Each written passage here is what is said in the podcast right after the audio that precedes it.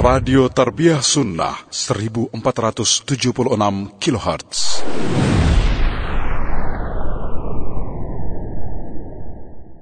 Bismillahirrahmanirrahim. Assalamualaikum warahmatullahi wabarakatuh. Alhamdulillahilladzi anzala as-sakinata fi qulubil mu'minin ليزدادوا إيمانا مع إيمانهم. ولله جنود السماوات والأرض. وكان الله عليما حكيما. وأشهد أن لا إله إلا الله وحده لا شريك له. إقرارا به وتوحيدا. وأشهد أن محمدا عبده ورسوله. صلى الله عليه وعلى آله وأصحابه وسلم تسليما مزيدا وبعد Ikhwati fillah, a'azani Allah wa iyyakum. Baik hadirin jamaah Masjid Agung Al-Ukhwah Bandung yang Allah muliakan. Para pendengar Radio Roja Cilengsi untuk Jabodetabek dan sekitarnya Roja Berau, Pontianak, Tanjung Pinang, Lampung, Palembang, Surabaya, dan Roja di kota lain. Pendengar Radio Albayan Cianjur, Radio Tarbiyah Sunnah Bandung, Radio dan TV RBK di Kebumen, Radio Satu Lombok, Radio Amuba Pangkal Pinang, Radio Hidayah Pekanbaru, dan pemirsa Roja TV di mana saja Anda berada, pemirsa Ahsan TV dan para netizen melalui streaming, melalui Facebook, YouTube, Instagram atau media sosial lain lewat akun mana pun di mana saja Anda berada. Alhamdulillah kembali kita berjumpa untuk melanjutkan pembahasan tentang tauhid asma wa sifat. Kemarin Jumat lalu kita sudah membahas syubhat orang-orang yang menyimpang dalam memahami asma dan sifat Allah. Pertama al-musyabbihah, kedua al-mu'attilah. Al-musyabbihah artinya orang-orang yang menyerupakan sifat Allah dengan sifat makhluknya. Dianggap sifat Allah sama dengan sifat makhluk. Allah mendengar, makhluk mendengar, mendengarnya persis sama. Melihatnya persis sama. Itu masyabbihah. Dan ini keliru, salah. Kelompok kedua sebaliknya mu'attilah Mu'attilah orang yang menafikan atau menolak sifat-sifat Allah. Ini kontrak 180 derajat dengan musyabbihah. Kalau musyabbihah menetapkan adanya sifat bagi Allah tapi menyamakan sifat Allah dengan sifat makhluk. Kalau mu'attilah menolak menolak sifat-sifat Allah karena kata mereka menetapkan adanya sifat bagi Allah mengakibatkan tasbih atau penyerupaan Allah dengan makhluk. Oleh karena itulah mereka menolak adanya sifat bagi Allah Subhanahu wa taala. Orang-orang yang menolak sifat Allah di dalam dirinya ada dua jenis penyimpangan. Penyimpangan pertama tasbih, penyimpangan kedua ta'til. Kenapa kalangan mu'attilah, orang-orang yang menolak sifat Allah itu mengandung tasbih, karena sifat-sifat yang Allah jelaskan dalam Al-Quran sebagai sifat bagi dirinya difahami sebagai penyerupaan Allah dengan makhluk.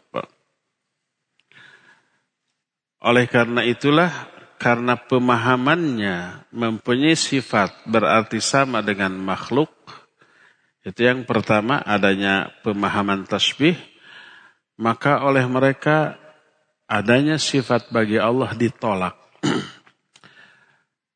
Dari tasbih berakibat ta'til.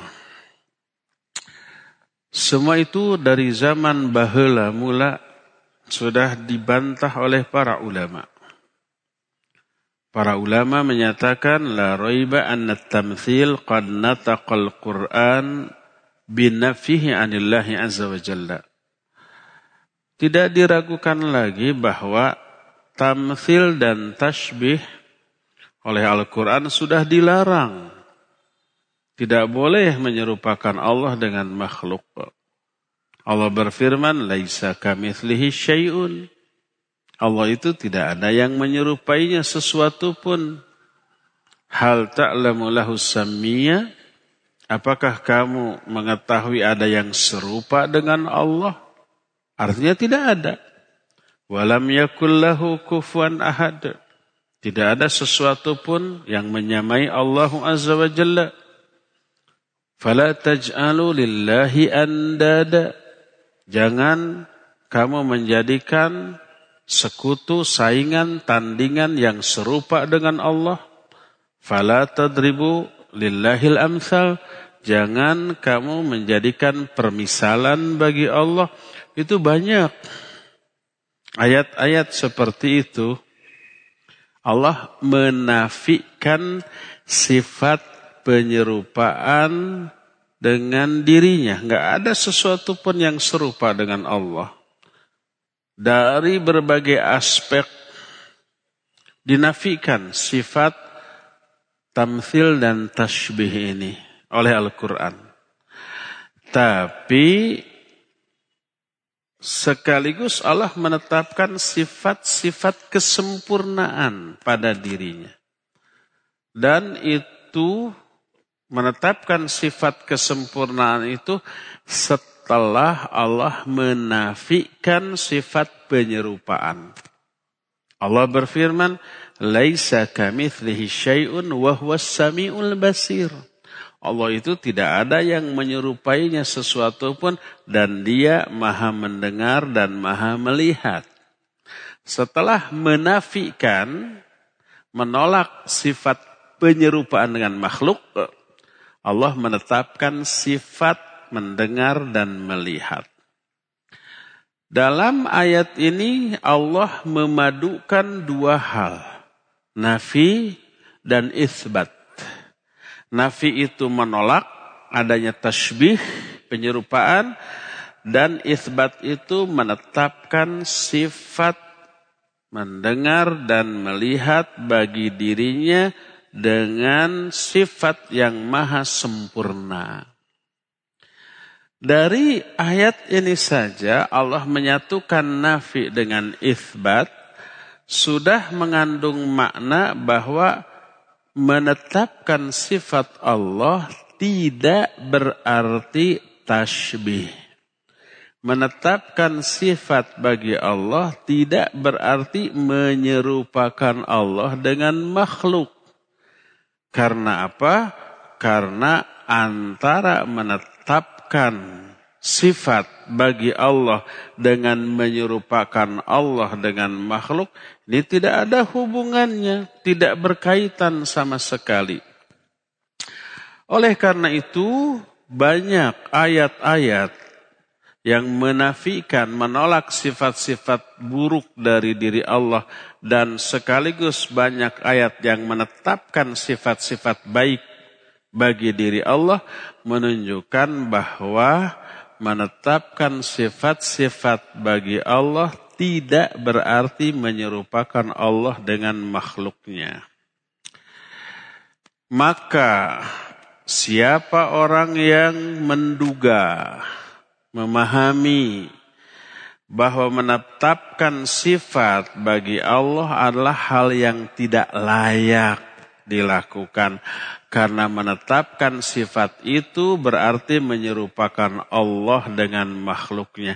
Siapa yang berpikir demikian berarti cara berpikir dia yang keliru. Cara berpikir dia yang salah. Menetapkan sifat itu tidak berarti menyerupakan Allah. Tapi karena dia memiliki pemahaman yang keliru, kalau punya sifat berarti sama dengan makhluk. Maka cara berpikir dia sama dengan cara berpikir musyabbiha. Orang yang menyerupakan Allah dengan makhluknya dalam hal sifat, karena cara berpikirnya sama, lalu sifat Allah ditolak. Maka pada hakikatnya dalam pemahaman orang-orang mu'attilah di dalamnya terkandung tasbih.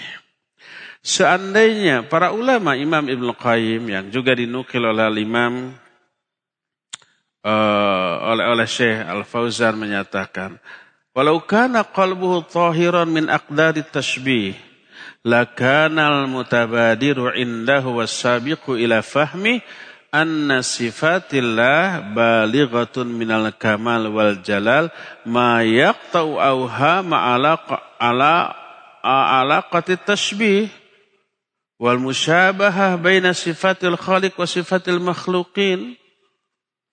Seandainya hati mereka bersih jernih dari nodat tashbih.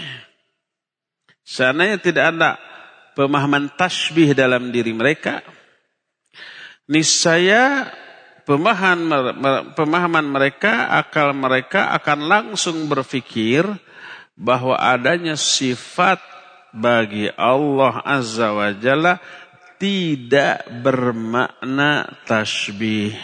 Tidak bermakna sifat Allah tersebut, tersebut serupa dengan sifat makhluknya. Seandainya hati mereka, pikiran mereka bersih dari noda tasbih.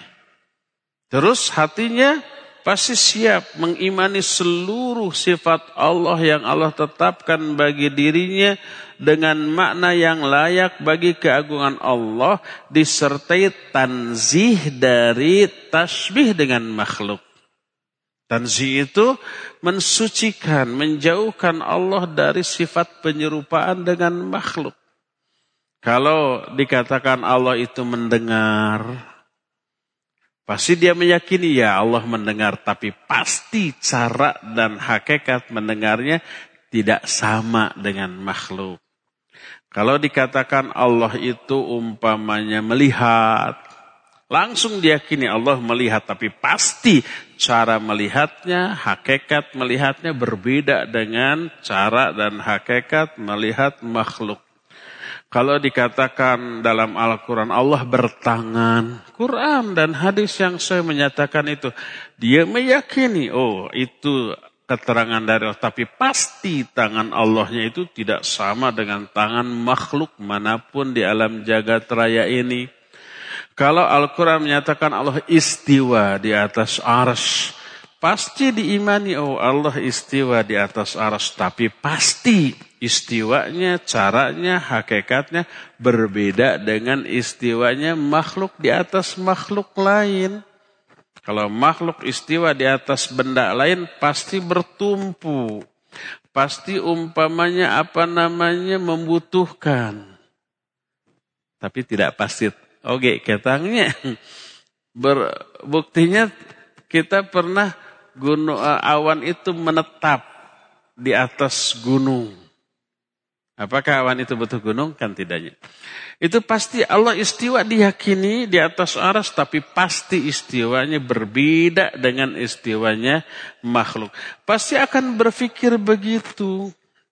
Di dalam setiap berbicara tentang sifat bagi Allah yang Allah tetapkan dalam Al-Quran, pasti terkandung dua hal.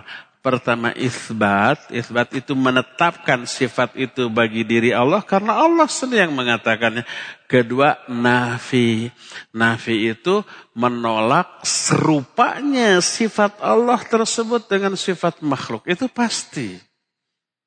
Sehingga kedua dalil itu dipakai tanpa harus saling berbenturan. Beda dengan umpah musyabbihah dan mu'attilah. Musyabbihah mengambil dalil Allah punya sifat tapi sifat Allah sama dengan sifat makhluk. Berbenturan dengan ayat laisa kamitslihi syai'un. Mu'attilah menolak enggak. Allah enggak punya sifat. Kalau punya sifat berarti serupa dengan makhluk. Berbetul, berbenturan dengan ayat yang menyatakan Allah punya sifat. Nah, ahlu sunnah di tengah-tengah memadukan antara isbat dan nafi, menetapkan sifat yang Allah tetapkan sebagai sifat bagi dirinya, tapi menafikan penyerupaan sifat itu dengan sifat makhluknya. Inilah akidah ahlus sunnah dalam memahami asma was sifat. Tidak ada ayat sifat yang ditolak, ditakwil berakibat menolak sifat itu. Oh Allah nggak istiwa istiwa di sana artinya menguasai sifat istiwanya. Akhirnya ditolak. Oh Allah nggak punya tangan. Tangan dalam ayat itu artinya kekuasaan. Istiwa kekuasaan, tangan kekuasaannya. Akhirnya sifat tangan bagi Allah ditolak bagi dari dari diri Allah. Karena akal. Tapi ahlus sunnah menyatakan ya Allah istiwa. Tapi pasti istiwanya berbeda dengan istiwanya makhluk. Ya Allah bertangan. Tapi tangannya pasti berbeda dengan tangannya makhluk. Dan begitulah seterusnya. Berkata Imam Ahlus Sunnah yang kita kenal dengan sebutan Imam Ibnu Khuzaimah. Rahimahullah. Ahli hadis yang Pemahamannya dalam masalah akidah lurus. Imam Abu Bakar Muhammad bin Khuzaimah. Ketika membantah Jahmiyah dan murid-muridnya yang menyatakan menetapkan sifat bagi Allah berarti menyerupakan Allah dengan makhluknya kata Jahmiyah. Dibantah oleh Imam Ibn Khuzaimah rahimahullah. Kata beliau, wa za'amatil Jahmiyah alaihim la'ainullah. Ana ahlas sunnati wa muttabi'il athar. Al-qailina bi kitabi rabbihim wa sunnati nabihim alaihi salatu wassalam. Al-muthbitina lillahi min sifatihi ma wasafa Allahu bihi nafsahu fi muhkami tanzili. Al-muthbat baina daffatain wa ala lisani nabihil mustafa sallallahu alaihi wasallam bin naqlil anil adal mausulan ilaihi musyabbihatan jahlan minhum bi kitabi rabbina wa sunnati nabiyina sallallahu alaihi wasallam wa qillati ma'rifatihim bi lughatil ladina balagathum kata Imam Ibnu Khuzaimah Orang-orang Jahmiyah menyangka bahwa ahlu sunnah orang-orang yang mengikuti asar. Asar itu riwayat-riwayat hadis. Orang-orang yang berbicara berdasarkan kitab Allah dan sunnah nabinya. Orang-orang yang menetapkan sifat-sifat bagi Allah seperti sifat yang Allah tetapkan bagi dirinya dalam Al-Quran berdasarkan lisan nabinya sallallahu alaihi wasallam dengan penukilan dari yang adil kepada adil. Pokoknya dengan riwayat yang sahih. Ahlu sunnah tersebut dianggap oleh Jahmiyah sebagai musyabbihah mutajassimah. Itu tuduhan Jahmiyah kepada ahlu sunnah. Karena ahlu sunnah menetapkan sifat. Sebagaimana sifat yang Allah tetapkan dalam Al-Quran. Kata kata Jahmiyah mereka musyabbihah menyerupakan Allah dengan makhluk. Kalau Allah punya sifat, makhluk juga punya sifat sama dong. Makanya disebut musyabbihah oleh Jahmiyah. Disebut juga mutajassimah karena ahlu sunnah menetapkan sifat-sifat zatiyah bagi Allah seperti yang Allah terangkan dalam Al-Quran. Al-Quran itu menyebut Allah punya tangan. Yadullahi fauqa aidihim. Bal yadahu mabsutotan. Tangan Allah di, tangan, di atas tangan mereka. Itu Al-Quran surah Al-Fat ayat yang ke-10. Allah pun berfirman, Bal yadahu mabsutotan yunfiku kaifa Kedua tangan Allah itu terbentang. Allah memberi rizki, memberi infak kepada siapa yang dikehendakinya. Itu Al-Ma'idah ayat 64. Allah pun juga punya mata. Dijelaskan dalam Al-Quran, dalam surah Hud, ayat 37, Allah menyatakan, Wasna'il fulka bi'ayunina. Bikinlah oleh kamu perahu dengan pandangan pengawasan mata kami. Allah pun berfirman, wasbir li hukmi rabbika fa innaka bi'ayunina. Surah Tur ayat 48. Kata Allah bersabarlah kamu dalam menjalankan hukum Rabbmu karena engkau berada dalam pandangan mata kami. Tajri bi'ayunina. Perahu Nabi Nuh itu berlayar dengan tatapan mata kami, mata Allah. Allah dalam Al-Quran menjelaskan punya mata, punya tangan, punya wajah, wa yabqa wajhu rabbika dzul jalali wal ikram. Abadilah wajah Allah yang memiliki kemuliaan. Allah juga punya betis di dalam Al-Quran. Allah menyatakan, Yauma yukshafu an saqin wa yud'auna ila sujudi fala yastati'un. Pada hari kiamat nanti Allah menyingkapkan betisnya. Diserulah semua orang untuk sujud.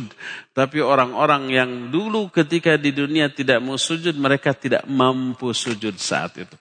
Al-Quran itu menjelaskan demikian. Allah punya mata, Allah punya wajah, Allah punya tangan, Allah juga punya kaki dan punya betis dan seterusnya ditetapkan oleh ahlus sunnah. Orang Jahmiyah menuduh ahlu sunnah itu mutajassimah. Mutajassimah itu artinya orang yang meyakini Allah berjasad seperti jasadnya makhluk. Dituduh apa? Musyabbihah. Karena menyerupakan Allah dengan makhluknya. Dituduh mutajassimah karena mengap Allah berjasad seperti berjasadnya makhluk. Itu kata Jahmiyah. Dibantah oleh Imam Ibnu, Hujaim, Ibnu Huzaimah. Kata beliau, Jahmiyah menyangka bahwa ahlu sunnah, orang-orang yang berbicara dengan Quran dan sunnah, orang-orang yang menetapkan sifat-sifat bagi Allah, dengan sifat yang Allah tetapkan sebagai sifat bagi dirinya. Baik dalam Al-Quran atau hadis yang sahih. Melalui penukilan yang sahih dengan sanad yang bersambung. Mereka menyebut ahlus sunnah dengan sebutan musyabbihah. Bahkan mutajassimah. Jahlan minhum bi kitabi rabbina wa sunnati nabiyina itu karena kebodohan mereka tentang kitab Allah dan sunnah nabinya dan sedikitnya pengetahuan mereka tentang bahasa Arab. Lalu Imam Ibn Huzaimah melanjutkan. Nahnu naqul ulama'una jami'an min jami'il aqtar. Kami, seluruh ulama kami dari seluruh penjuru dunia menyatakan Inna lima'budina wajhan kama a'lamana Allahu fi muhkami tanzilih. Sesungguhnya Rabb kita Allah Azza wa Jalla memiliki wajah. Seperti yang Allah tetapkan dalam Al-Quran. Wa yabqa wajhu dhil jalali wal ikram. Dan abadilah wajah Rabb kami Dzul Jalal Akram yang memiliki kemuliaan. Allah memiliki wajah. Di sini kata Imam Ibnu Huzaimah, Allah menetapkan abadinya wajah Allah dan tidak hancur, tidak binasa. Kullu syai'in halikun illa wajah. Segala sesuatu akan hancur binasa kecuali wajah Allah. Yang dimaksud wajah Allah kata Imam Ibnu Hajar al-Asqalani. Ini yang kadang disalahfahami oleh orang termasuk oleh ustadz yang disebar-sebar lewat ceramahnya. Imam Bukhari ketika menyatakan kullu syai'in halikun illa wajhah segala sesuatu itu hancur kecuali wajah Allah kata Imam Bukhari illa wajhah ay illa malikul wajh illa malikuhu. Maksud ma illa wajah itu adalah pemilik wajah yaitu Allah. Allah punya wajah seluruh uh, apa namanya diri Allah Azza wa tidak musnah termasuk bukan hanya wajahnya terus yang lainnya hancur bukan. Illa wajah illa malikahu. Illa malik kecuali pemilik wajah. Lalu dipertegas oleh Imam Ibnu Hajar. Di sana yang dimaksud malikahu itu pemilik wajah yaitu Allah secara keseluruhan. Lalu ada orang yang salah baca disebut mulkuhu sehingga ber, ber, berbeda maknanya. Kullu syai'in halikun illa wajah ay mulkuhu. Akhirnya segala suatu binasa kecuali wajah Allah. Wajah Allah di sini maksudnya kerajaannya. Loh, kan kerajaannya binasa. Segala sesuatu langit dan bumi kerajaan Allah ini binasa. Yang tidak binasa hanyalah Allah. Dia salah baca, dibacanya mulkuhu, kecuali mulkuhu. Kerajaan Allah yang tidak hancur, hancurkan kerajaan Allah. Salah, malikuhu, pemilik wajah. Lalu orang itu menuduh Imam Bukhari pun melakukan takwil wajah Allah ditakwil menjadi kerajaannya. Karena salah baca. Dan tidak melihat penjelasan Imam Ibnu Hajar dalam kitab Fatul Bari Syarah Bukhari.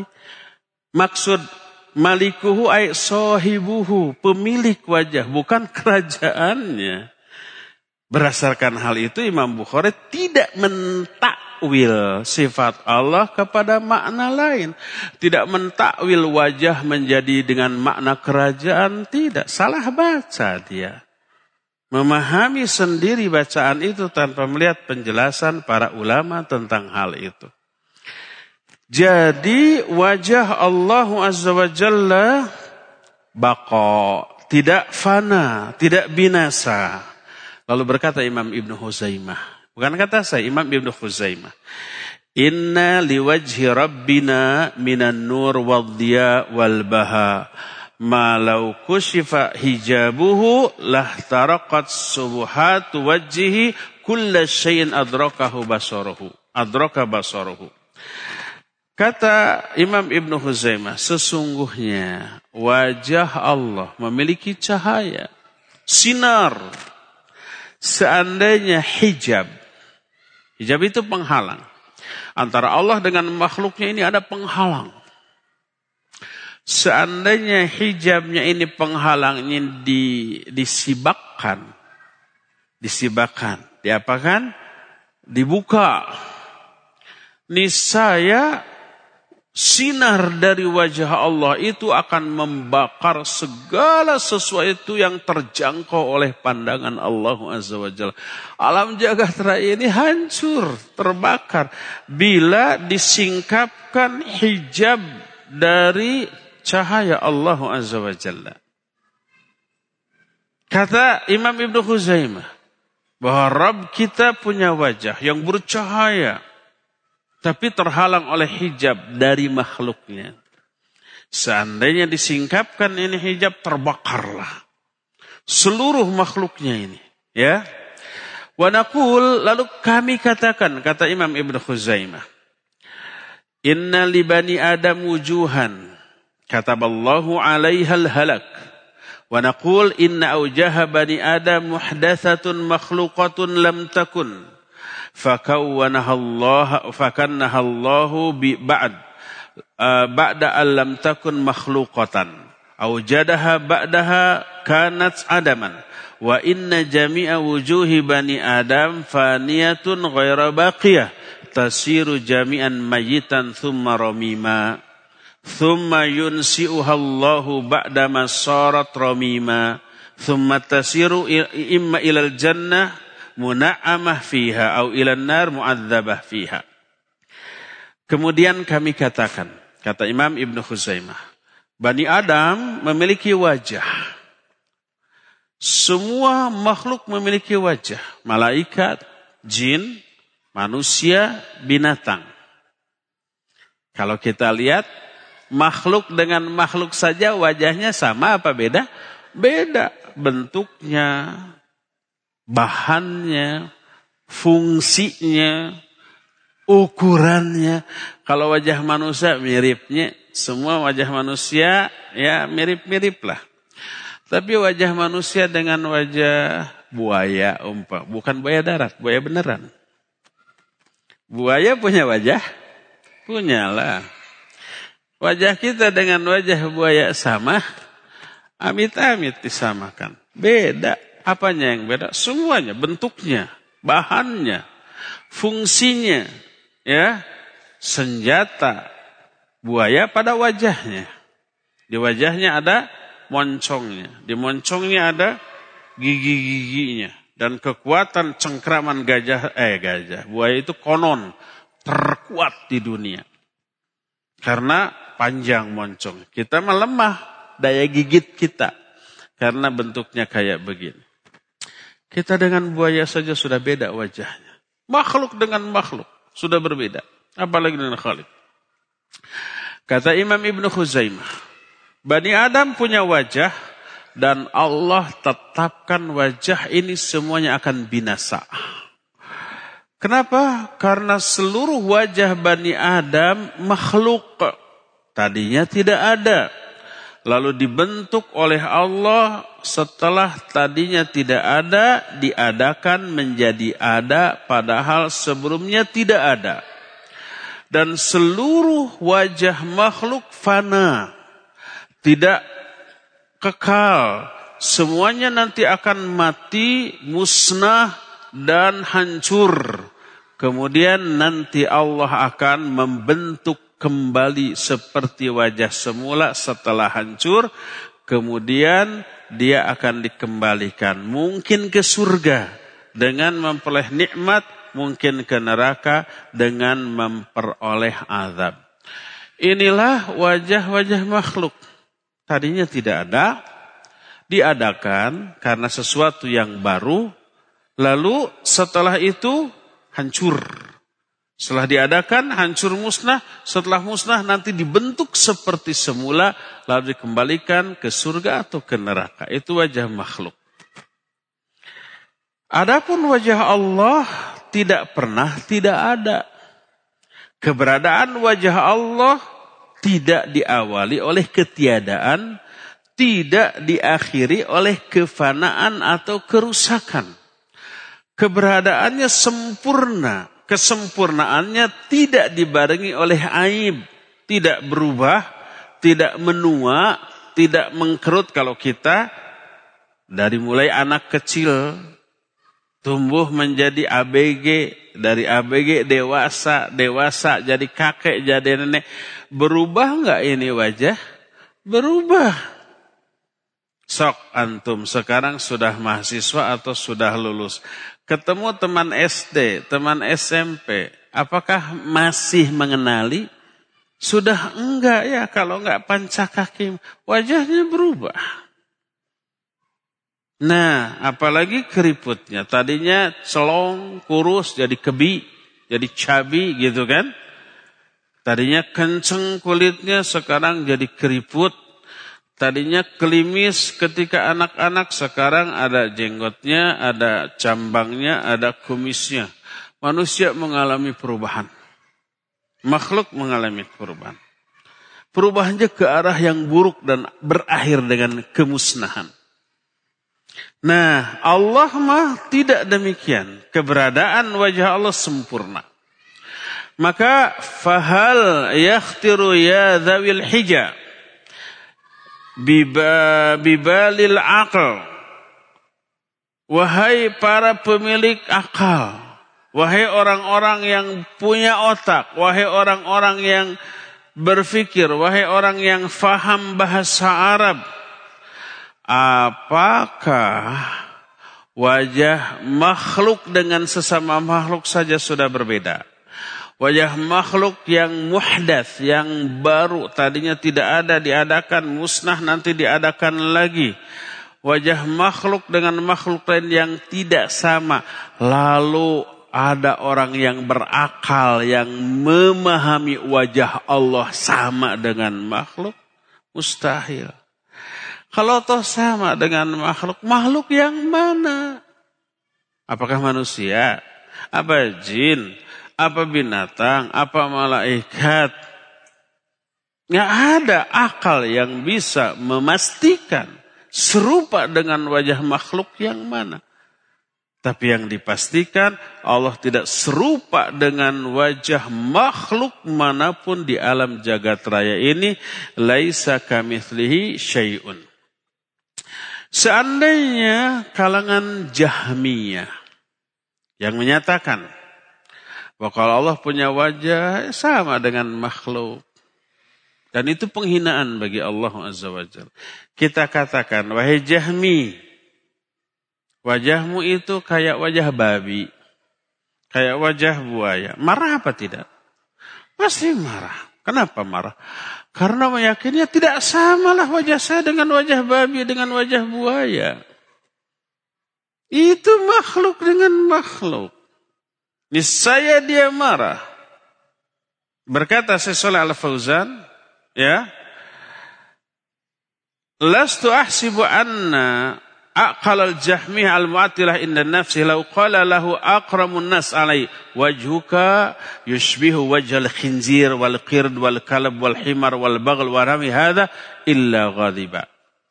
Saya yakin kalau kita mengatakan ke orang Jahmiyah, wajahmu itu mirip wajah babi, mirip uh, sama dengan wajah kera, wajah anjing, wajah himar, wajah bagal dan wajah binatang lain.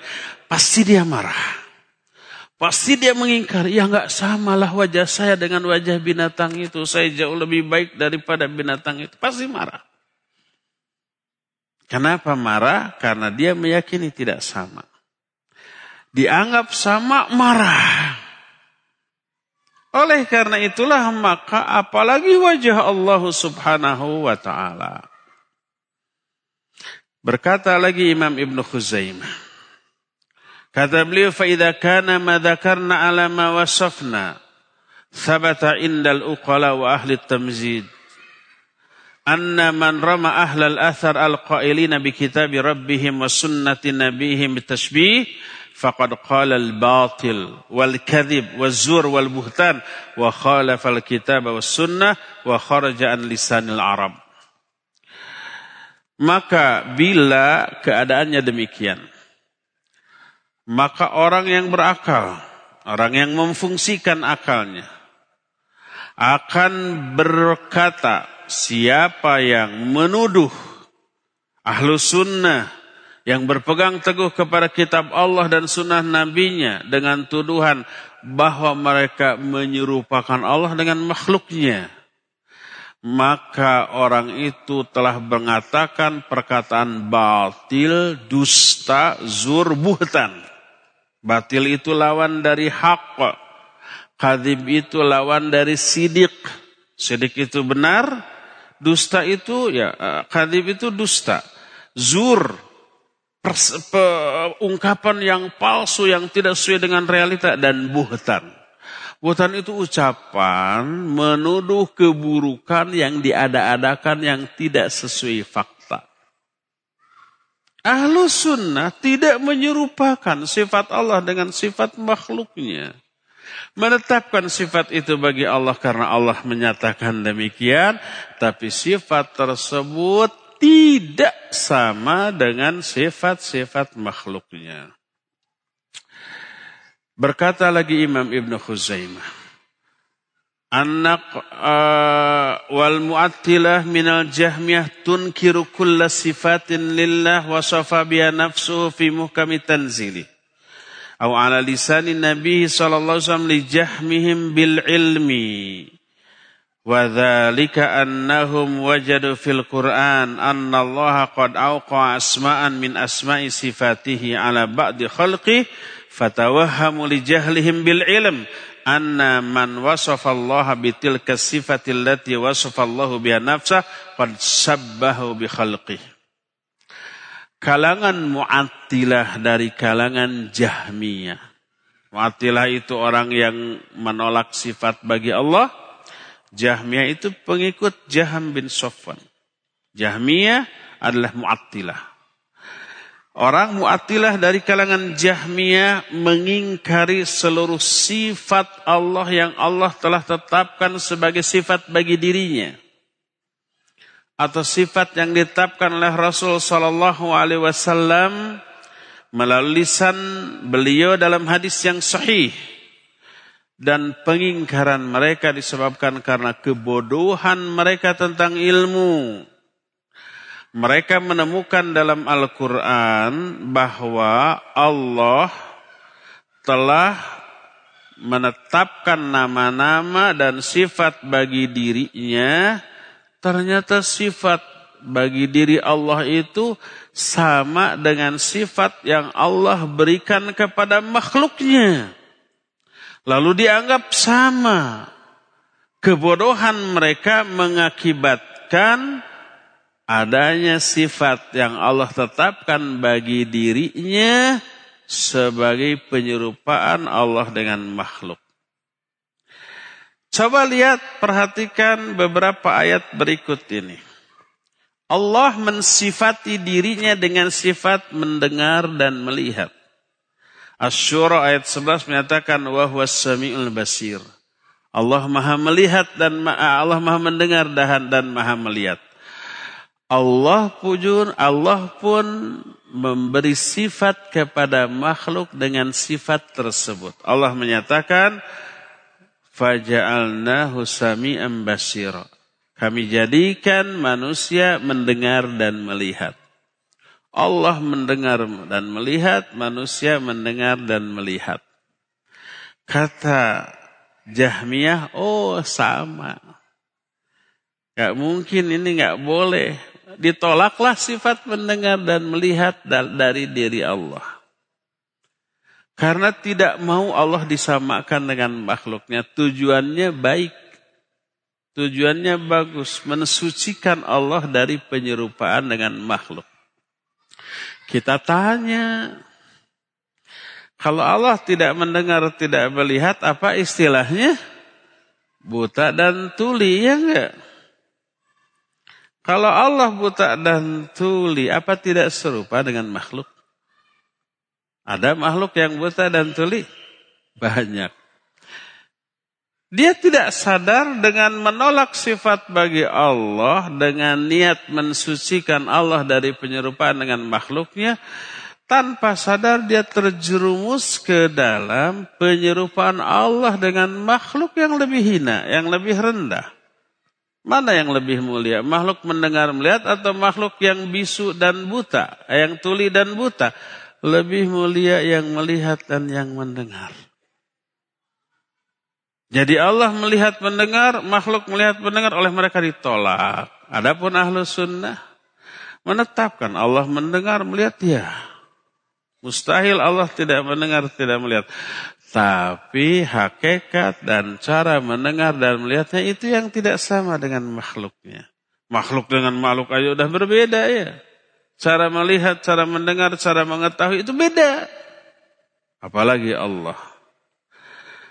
Juga disebutkan Allah menyatakan Qul i'malu fasayarallahu amalakum wa rasuluhu wal mu'minun. Coba bayangkan. Katakan oleh Muhammad beramallah kalian. Maka Allah akan melihat amal kamu, demikian juga orang demikian juga Rasul dan orang mukmin akan melihat amal kamu. Yang melihat amal kita tiga yang disebutkan dalam ayat ini. Allah, Rasulnya dan orang-orang mukmin sama-sama melihat kepada amal kita. Apanya yang beda? Cara melihat, hakikat melihat Allah dengan Rasul berbeda. Kalau Rasul dengan orang mukmin mungkin sama. Cara melihat dan hakikat melihatnya. Karena sama-sama manusia. Tapi Allah laisa kamithlihi syai'un. Coba dalam surah Toha 46. Innani ma'akuma asma' wa ara' Nabi Shallallahu eh, Allah berfirman kepada Nabi Musa dan Harun, Innani ma'akuma. Aku bersama kamu berdua. Asma wa ara. Aku mendengar dan aku melihat. Nah, jadi sama mendengar dan melihat dari aspek makna. Berbeda dari aspek hakikat dan kaifiyat. Jadi menetapkan sifat itu bagi Allah tapi menafikan penyerupaan sifat itu dari diri Allah. Bahwa sifat yang Allah miliki tidak sama dengan sifat yang dimiliki oleh makhluk. Ya, Termasuk mata. Di dalam beberapa ayat Allah mengatakan Allah punya mata. Tadi surah Hud 37 Allah menyatakan wasna'il fulka bi'ayunina. Bikinlah perahu dengan pengawasan mata kami. Mata Allah. Dalam surah Tur ayat 48, wasbir li hukmi rabbika fa innaka bi'ayunina. Bersabarlah kamu dalam menjalani hukum Allah. Fa innaka bi'ayunina karena kamu berada dalam pengawasan mata kami, mata Allah. Ya, dan banyak lagi.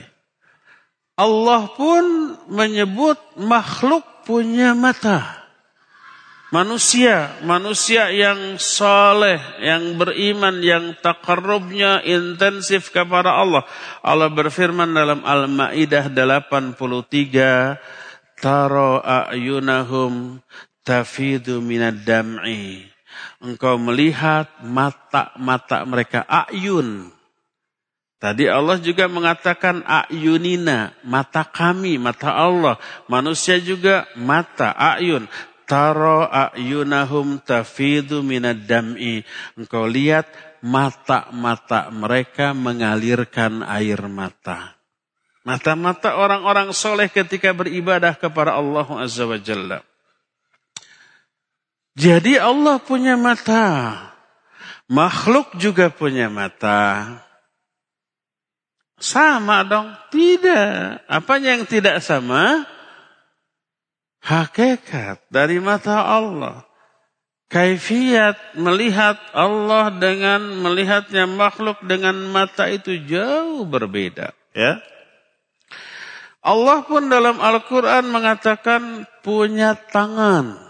Kata Allah kepada iblis, laknatullahi alaih, ketika iblis menolak sujud kepada Adam ketika diperintahkan. Kata Allah, "Ma mana'aka an tasjuda lima khalaqtu biyadayya?" Apa yang menghalangi kamu untuk sujud kepada Adam yang telah aku ciptakan dengan kedua tanganku? Allah menyatakan dengan kedua tanganku. Nah, Menunjukkan Allah punya tangan. Yadullahi maglulah. Kata orang Yahudi, tangan Allah itu terbelenggu. Oleh Allah dibantah. Bal yadahu mabsutotan. Enggak. Bahkan kedua tangan Allah itu terbentang. Yang Allah ingkari adalah terbelenggunya tangan Allah. Bukan tangannya. Tangannya tetap ditetapkan kata. Bahkan kedua tangan Allah itu terbentang. Tidak terbelenggu. Jadi semuanya itu menyatakan Allah punya tangan. Wajib kita yakini. Loh sama dengan makhluk dong. Ya enggak. Karena hakikat dari tangan Allah enggak ada yang sama dengan makhluknya. Makhluk dengan makhluk saja sudah berbeda tangannya. Apanya yang berbeda? Semuanya. Ukurannya, bahannya, bentuknya, fungsinya. Kita punya tangan, kita tahu bentuknya begini. Jarinya lima, ada sikunya. Fungsinya macam-macam. Bisa memegang, bisa mencubit, bisa mengelitik, bisa nonjok, bisa nyiku, segala macam. Ada binatang yang punya tangan. Belalang. Belalang punya tangan? Punya. Beda enggak tangan kita dengan tangan binatang? Enggak, enggak sama. Beda jauh. Apanya? Semuanya. Bentuknya, ukurannya, bahannya, fungsinya. Belalang enggak bisa nonjok. Belalang enggak bisa ngelikitik. Belalang enggak bisa nyikut. Tapi megang bisa ya. Dipegang terus dimakan si mangsa yang sudah dia tangkap. Makhluk dengan makhluk berbeda apalagi makhluk dengan Allah Azza wa Jalla. Laisa kamitslihi syai'un. Nah, orang ada yang ingin mensucikan Allah dengan penyur, dari penyerupaan dengan makhluk. Enggak, Allah enggak punya tangan. Kalau punya tangan sama dengan makhluk, kita jawab. Kalau Allah enggak punya tangan. Apa enggak sama dengan makhluk? Ada makhluk yang nggak punya tangan? Banyak. Lebih rendah. Sebut makhluk yang nggak punya tangan. Banyak. Binatang kita sebut. Ular. Punya tangan nggak? Nggak. Ulat. Punya tangan? Nggak. Kaki seribu. Kakinya aja seribu. Tangannya satu pun nggak punya. Banyak ya. Jadi Nggak bisa kita menolak sifat Allah dalam rangka mensucikan Allah dari penyerupaan makhluk. Ditolaknya sifat itu mengakibatkan kita menyerupakan Allah dengan makhluk yang lebih hina, lebih rendah. Jangan begitu cara berpikir, menetapkan, memahami sifat bagi Allah. Tetapkan sifat. Selama sifat itu ditetapkan sebagai sifat bagi Allah oleh Allah sendiri dalam Al-Quran. Dan dalam hadis yang sahih, tapi kita menafikan tasbih. Yang kita nafikan, yang kita tolak penyerupaan. Allah enggak serupa dengan makhluknya. Apa yang tidak serupa? Semuanya. Semua sifat Allah tidak serupa dengan makhluknya. Oleh karena itulah maka barang siapa yang memahami bahwa menetapkan sifat bagi Allah berakibat tasbih atau menyerupakan Allah dengan makhluknya, maka orang itu terjerumus ke dalam pemahaman tasbih yang berakibat taktil. Pemahaman tasbihnya yaitu menganggap menetapkan sifat serupa dengan makhluk. Itu tasbih. Makanya ditolak. Allah enggak enggak istiwa di atas aras satulah masa istiwa di atas aras. Lalu akalnya jangan kalau istiwa berarti dianggap membutuhkan makhluk, membutuhkan aras. Kalau istiwa di atas aras berarti arasnya lebih gede. Kalau umpamanya istiwa di atas aras berarti arasnya nanti hancur, Allahnya jatuh. Itu kan akal mereka yang pikir gitu. Karena ada pemahaman tasbih dalam dirinya. Kalau disebut istiwa, ah oh, serupa dengan makhluk. Akhirnya ditolak. Berawal dari tasbih, berakhir dengan taktil. Maka di dalam diri Jahmiyah Mu'attilah terkandung dua syubhat yang keliru. Ya ada tasbihnya, ya juga ada taktilnya. Dan inilah yang dibantah oleh para ulama. Berkata Syekhul Islam Ibn Taimiyah rahimahullahu taala ketika membantah kalangan Jahmiyah Al-Mu'attilah yang menganggap bahwa menetapkan sifat bagi Allah itu berarti menyerupakan Allah dengan makhluk. Kata beliau, "Wa amma ala qawli akabirihim ya'ni nufatus sifat." Inna ma'aniya hadhi nusus al-muskilah al-mutasyabiyah la ya'lamuhu illallah. wa inna ma'naha alladhi aradahu Allahu biha huwa ma yujibu sarfuha an dawahiriha fa'ala qawli haula yakunul anbiya wal mursalun la ya'lamuna ma'aniya ma anzalallahu alaihim min hadhihi nusus walal malaika walas sabiqunal awwalun wa hina idzin fayakunu ma wasafallahu bi nafsahu fil Qur'an. Aw katsira mimma wasafallahu bi nafsah la ya'lamu al anbiya ma'nahu bal yaquluna kalaman la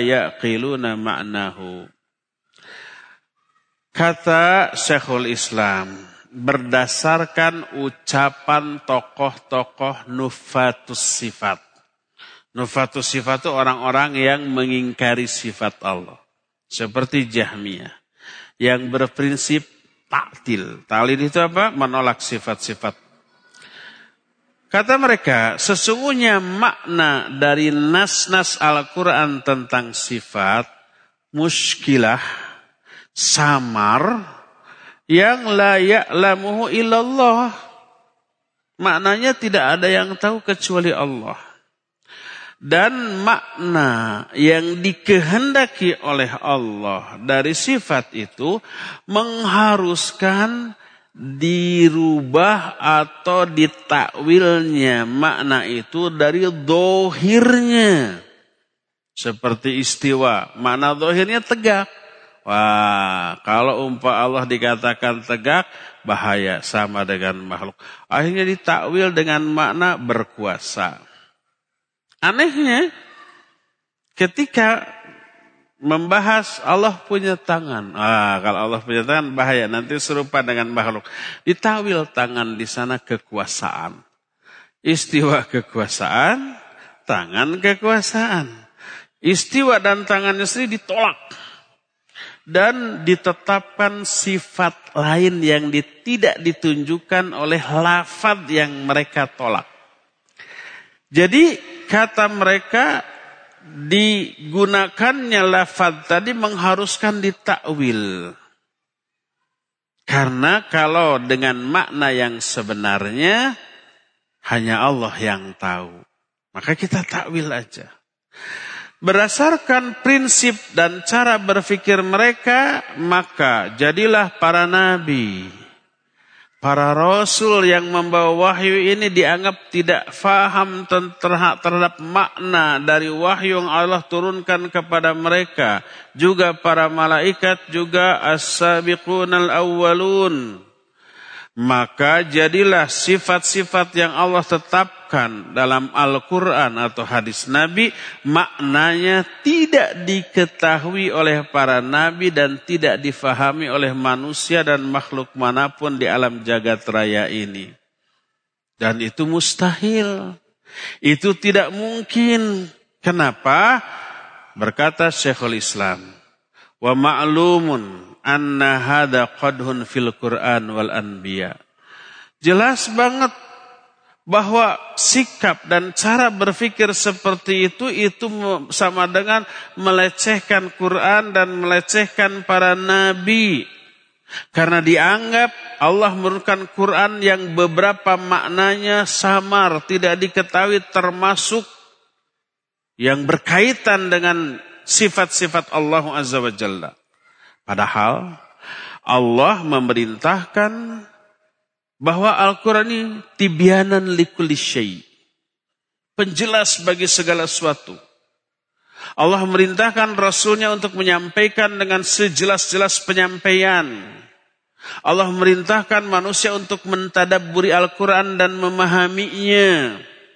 Dan sejelus dan seterusnya.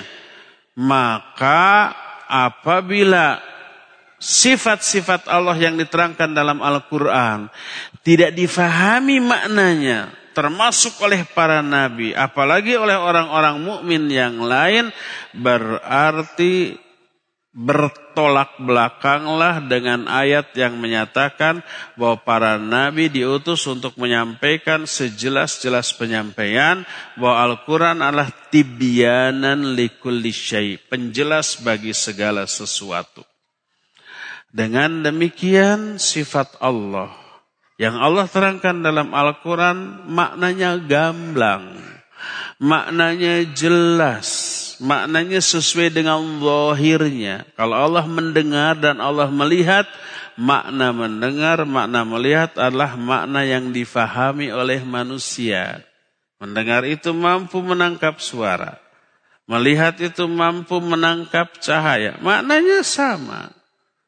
Cuma yang beda adalah cara hakikat, kaifiat itu yang berbeda. Cara mendengar dan melihat Allah tidak ada yang sama dengan cara makhluk mana pun dalam mendengar dan melihat.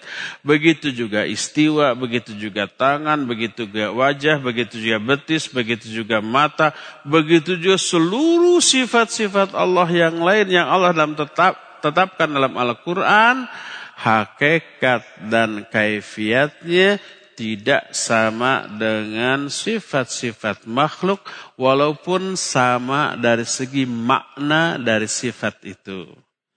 Makna melihat kita tahu, makna mendengar kita tahu, cara dan hakikatnya yang tidak sama. Ya, inilah bantahan para ulama terhadap kelompok-kelompok Jahmiyah Mu'attilah.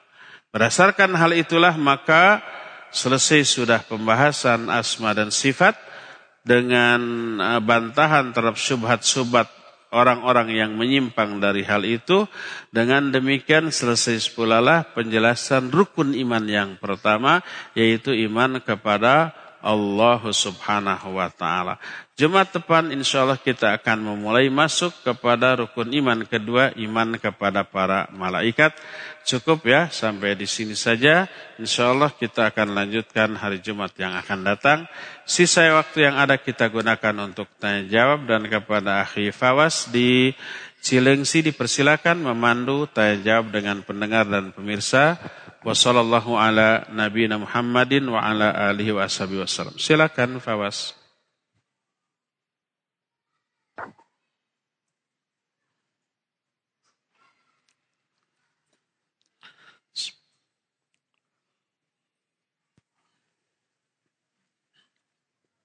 Baik, terima kasih kami ucapkan jazakumullahu khairan pada Ustaz yang telah menyampaikan materi yang penuh manfaat di sore hari ini. Ikhwatal Islam, pendengar dan pemirsa, kita masuki sesi interaktif. Untuk Anda yang akan bertanya, silakan bisa hubungi kami untuk telepon di 0218236543 atau dengan pesan singkat ke 0819896543 tentunya dengan pertanyaan yang berkesesuaian dengan materi bahasan. Kami persilakan untuk penelpon yang pertama. Ya. Assalamualaikum. Waalaikumsalam warahmatullahi wabarakatuh. Dengan siapa dari mana Bapak? Dengan Kadan dari Cianjur. Pak Kadan, silahkan pertanyaannya. Ya, begini, yang pertama saya uh, seorang tunanetra yang baru mengenal sunnah dan saya juga tinggal di daerah yang belum belum uh, mengenal sunnah Pak Ustadz. Jadi saya kalau boleh uh, memohon untuk uh, memiliki nomor Ustadz Abu Haidar iya. Ustadz gitu. Baik, uh, pertanyaannya Ustaz. barangkali yang terkait dengan tema Bapak? Ya, yang kedua di luar tema uh, banyak orang kaum muslimin yang berjarah berduyun-duyun me menjarahi makam Pak Wali orang-orang soleh, tapi uh, jarang sekali mengunjungi uh, pemakaman yang masyarakat biasa Pak di daerah setempat. Iya. Yang saya tanyakan, uh, tujuan ziarah itu seperti apa Pak Ustadz dan yang dan apakah ada keutamaan khusus uh, ziarah kepada orang-orang soleh dibandingkan kepada orang biasa Pak Ustadz? Baik. Terima kasih. Ya. Assalamualaikum warahmatullahi wabarakatuh. Waalaikumsalam warahmatullahi wabarakatuh. Pak Kadan di Cianjur silahkan Ustaz. Barakallahu fiik. Bapak Kadar dari Cianjur. Uh, Bapak boleh mem memiliki nomor HP saya, tapi mohon maaf tidak bisa di on air kan ya. Silakan aja nanti tanya ke bisa ke Rojak Cilengsi atau Radi Albayan di Cianjur ya, secara Japri. Kedua, tentang ziarah kubur, menziarahi kuburan para wali atau orang-orang soleh. Hukum asal ziarah kubur disyariatkan, dianjurkan. Dan ini amal soleh yang luar biasa besar. Awal-awal kemunculan Islam dilarang. Setelah Islam kuat dibolehkan. Nabi SAW bersabda, Kuntu nahaitukum an ziaratil kubur, fazuruha, fa innaha tudhakirukumul maut. Dulu aku pernah melarang kalian dari ziarah kubur. Sekarang silakan kalian ziarah. Karena ziarah itu bisa mengingatkan kita kepada kematian. Dalam riwayat mengingatkan kita kepada akhirat. Ya. Jadi ziarah kubur sunnah. Kita tidak anti kepada ziarah kubur, malah demen. Malah apa? Sangat suka ziarah kubur, ya. Maka kalau ada orang yang menuduh anti ziarah kubur, keliru besar. Loh kenapa kalau begitu sering menyalahkan orang yang ziarah kubur? Kata siapa? Kita tidak menyalahkan. Kita hanya wanti-wanti awas ketika ziarah kubur jangan melakukan kesalahan. Apa kesalahannya? Pertama, ketika masuk ke areal pekuburan tidak berdoa. Salah, keliru. Kedua, ketika masuk tidak membuka alas kaki, sendal atau sepatu itu keliru. Kotor dong. Ya iyalah pasti kotor. Bisa dicuci gampang ya. Ketiga, meminta kepada penghuni kubur. Nah itu, memintanya kepada siapa? Kepada Allah. Isi permintaannya apa? Isinya minta ampunan, minta rahmat bagi penghuni kubur. Doakan ya Allah ampuni penghuni kubur. Yang dikubur di sini orang soleh, jasanya besar kepada dakwah. Ya Allah angkat derajatnya di akhirat. Bebaskan dari siksa kubur. Berikan nikmat kubur. Masukkan kelak ke dalam surga. Selamatkan dari api neraka. Beri ketabahan kepada keluarga. Itu bagus. Terus ketika berdoa jangan menghadap kuburan, menghadaplah ke kiblat. Jangan membelakangi kiblat, menghadap kuburan. Boleh menghadap kuburan selama kuburan itu berada di arah kiblat. Dengan niat menghadap ke kiblat, ya. Nah, terus ambil pelajaran. Ibroh, kita pun akan mati seperti dia. Sekarang dia di bawah, kita di atas. Besok kita di, di bawah, orang lain di atas. Di atas permukaan tanah. Pulang dari berziarah kubur beda, deg-degan, takut. Lalu memotivasi kita untuk beribadah, beramal soleh lebih baik daripada sebelumnya. Karena takut sebentar lagi kita masuk ke alam kubur tadi. Itu ziarah kubur, ya. Bagus-bagus saja. Asal sekali lagi terlarang melakukan beberapa hal yang dilarang. Apa saja? Tadi berdoa meminta kepada si penghuni kubur. Mbah, wahai wali yang ada di sini, saya jomblo, berikan saya jodoh. Itu yang tidak boleh. Mintalah kepada Allah. Jangan minta kepada penghuni kubur. ya Seperti itu. Ketika ziarah kubur, doakan dia. Dia butuh doa kita. Ya, loh, dia kan orang soleh, masa didoakan oleh orang yang banyak dosa seperti kita? Enggak masalah. Ada feedback. Karena Rasul SAW menyatakan bila seorang muslim mendoakan saudaranya tanpa sepengetahuan orang yang didoakan, maka ada malaikat yang disam, ada malaikat di sampingnya. Dia mengaminkan dan mendoakan isi doamu untukmu. Kata malaikat, amin walaka bimithlih. Amin dan bagimu seperti isi doamu. Ada feedback. Jangan merasa nggak layak saya mendoakan orang soleh. Saya kotor, orang soleh itu luar biasa. Makanya nggak layak mendoakan. Jangan begitu, doakan. Ada feedback. Kita bersolawat kepada Nabi Sallallahu Alaihi Wasallam. Salawat itu maknanya apa? Mendoakan Nabi Sallallahu Alaihi Wasallam. Sesoleh apa beliau? Gak ada bandingannya. Sekotor apa kita? Tapi kita tetap bersolawat. Karena ada feedback. Man sholla alaiya sholatan, sallallahu alaiha biha ashra. Siapa orang yang bersolawat kepadaku satu kali solawat, Allah akan bersolawat kepada orang itu sepuluh kali. Ada feedbacknya. ya. Silakan ziarah kubur, ziarah kubur, silakan. Tapi ingat, jangan menjerumuskan diri kepada kesalahan dan kekeliruan. Tidak ada bedanya mengunjungi kuburan orang soleh ataupun orang biasa, bahkan orang kafir. Kuburan orang kafir, orang musyrik boleh kita ziarahi. Tapi tidak boleh mendoakan. Sebagaimana Rasul SAW menziarahi kuburan ibunya. Kata beliau, beliau nangis di kuburan ibunya. Ditanya oleh Umar, ma'abkaka ya Rasulullah, apa yang membuat engkau menangis? Kata beliau, ista'dantu rabbi li'an astaghfir, li'an astaghfir li ummi wa lam ya'dhan li. Wasta'dhantu minhu li'an, li'an azur qabraha fa'adhina li.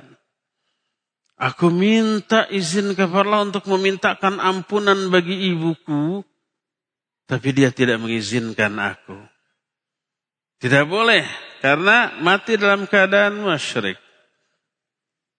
Lalu aku meminta izin kepada Allah untuk menziarahi kuburannya, lalu dia mengizinkan.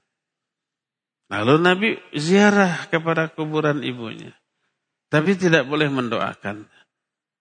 Lalu beliau menyatakan, Fazuruha, fa innaha tudzakirukumul akhirah. Ziarah kuburlah kamu. Karena ziarah kubur itu mengingatkan kalian kepada akhirat ya. Jadi dibolehkan bagi kita untuk berziarah kubur tapi jaga jangan sampai terjerumus dalam perbuatan yang terlarang. Allahu a'lam. Silakan lagi Fawas. Jangan sampai terjerumus perbuatan yang terlarang. Allahu a'lam.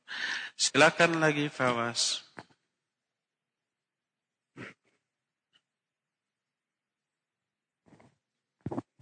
Baik, terima kasih Zakal Heron, jawaban dan nasihat Al Ustad. Berikutnya kami angkat dari Bapak Dimas di Purwodadi, Jawa Tengah. Silakan Pak Dimas. Assalamualaikum Ustaz. Waalaikumsalam warahmatullahi Silakan Pak. Uh, Ustaz, uh, untuk terkait akidah Asyairah. Iya. Iya. Uh, itu apa namanya kan hampir mirip dengan akidah Ahlus Sunnah ya. Dari sisi? Barangkali eh, dari penjelasan. apa namanya dia juga meyakini Allah itu hidup hayat. Iya. Terus? Silahkan. Iya, jazakumullah khairan. Iya. Barakallahu fiik. Silahkan Pak Dimas di di bumi Allah. Di Jawa Tengah ya? Apakah Asyairah mirip dengan Ahlus Sunnah? Dekat dengan ahlus sunnah. Ya disebut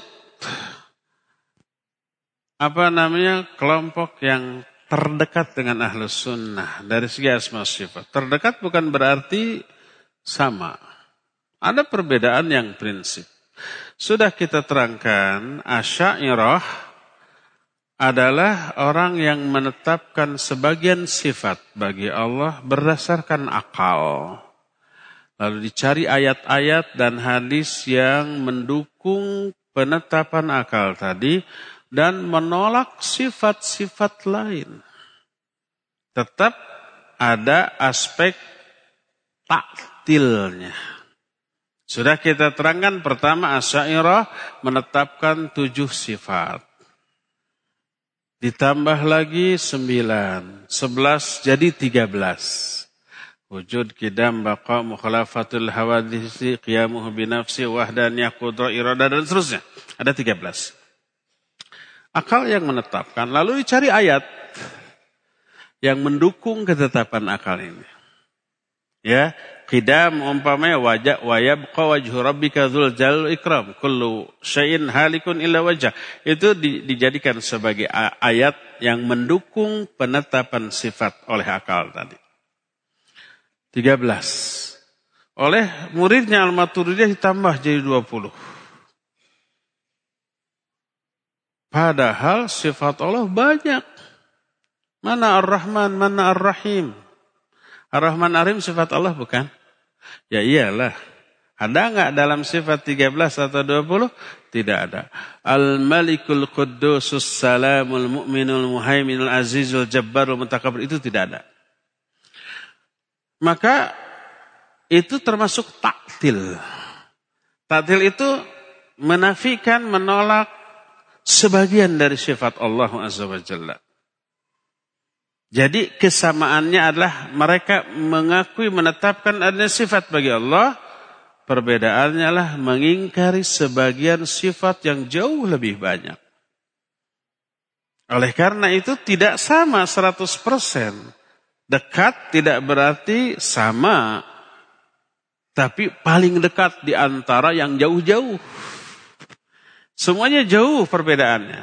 Tapi ada yang agak dekat itu ini asyair.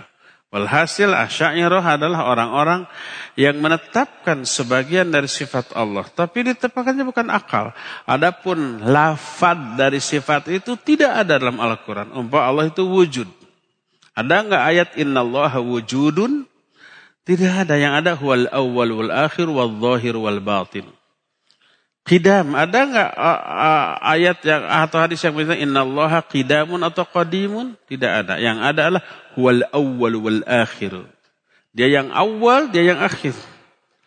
Bako. Ada nggak yang menyatakan Inna Allah bako? Yang ada wa yabqa wajhu rabbika dzul jalal ikram. Ya. Jadi mereka menetapkan itu dengan akal. Lalu diambil ayat untuk mendukung itu. Bukan berangkat dari ayat. Adapun wal awwal wal akhir wal zahir wal batinu tidak ditetapkan sebagai sifat. Padahal itu jelas dalam ayat surah Al-Hadid. Ayat-ayat awal wal awwal wal akhir wal zahir wal batin wa huwa alim. Oleh karena itulah Asyairah adalah orang yang menetapkan sebagian sifat Allah tapi mengingkari sebagian lain yang jauh lebih banyak. Oleh karena itu tidak sama dengan ahlus sunnah walaupun semuanya mengklaim diri ahlus sunnah. Asyairah mengklaim ahlus sunnah. Terus Mu'tazilah mengklaim ahlus sunnah. Bahkan Syiah pun mengklaim di, di lingkungan komunitas ahlus sunnah sebagai ahlus sunnah juga ya. Kullun yadda'i waslan bil laila wal laila lam tuqiru lahum bikadha. Semua orang mengakui punya hubungan dengan Laila, tapi Laila tidak mengakui hubungan itu. Semua mengaku ahlus sunnah, kalau ahlus sunnah berlepas diri dari mereka. Demikian, wallahu alam. Silakan lagi, Fawas.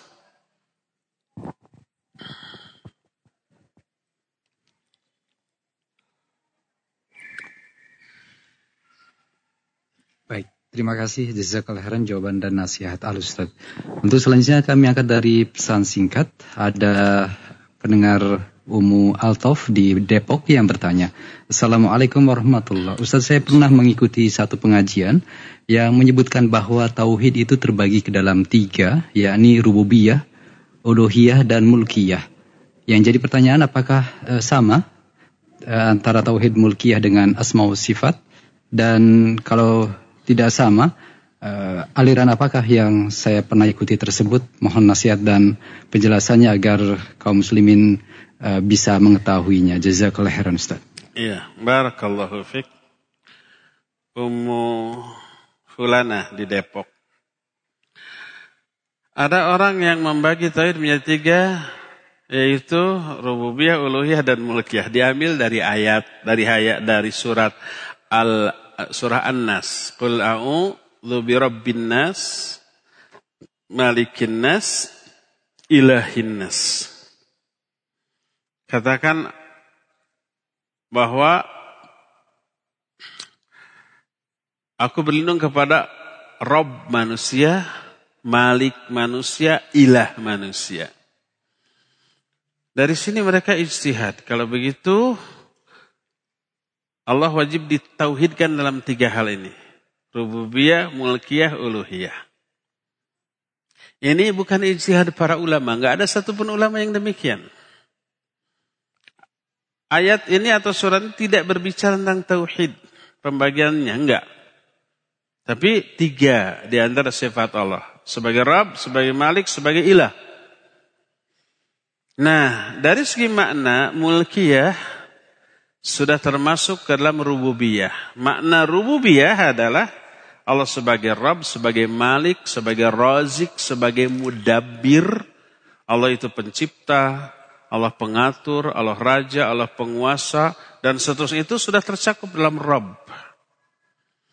Kalau Allah diesakan, ditauhidkan hanya dalam tiga hal ini, rububiyah, mulkiyah, dan uluhiyah.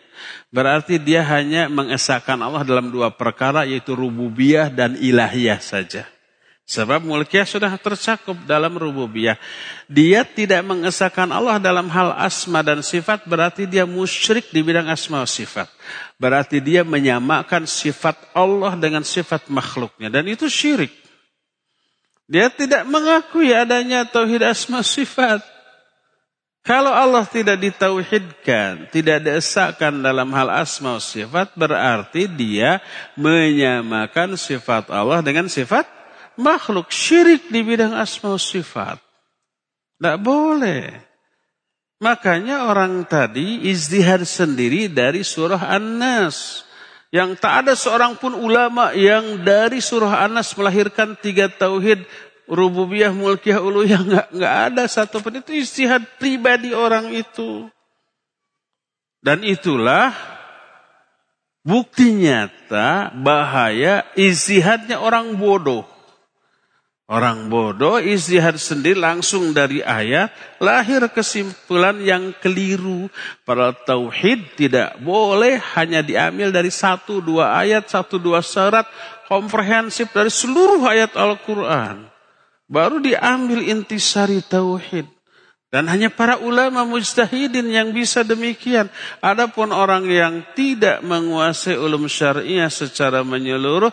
Lalu izjad ini nih contohnya. Lahirlah tiga jenis tauhid yang keliru. Tidak mengakui tauhid yang vital yaitu asma wa sifat. Itu dia terjerumus dalam syirik di bidang asma wa sifat. Dia menganggap sama terhadap Sifat Allah dengan sifat makhluk dan itu berbahaya ya. Itu sangat berbahaya. Berdasarkan hal itulah maka pembagian tauhid ikuti penjelasan para ulama mujtahidin. Jangan mengikuti orang yang langsung belajar di Al-Quran lalu dia tangkap sendiri dengan kebodohannya. Keliru besar. Dia memahami secara parsial, tidak menyeluruh. Dia mengambil sebagian, tapi luput, meluputkan sebagian lain yang tidak kalah pentingnya. Maka beresiko hadir di majelis kajian yang seperti itu. Ya, cukup ya sampai di sini waktunya sudah habis. Insya Allah nanti kita jumpa kembali di hari Jumat yang akan datang. Subhanakallahum bihamdik asyhadu an la ilaha illa anta astaghfiruka wa atubu ilaik walhamdulillahi rabbil alamin. Wassalamualaikum warahmatullahi wabarakatuh. Radio Tarbiyah Sunnah 1476 kHz.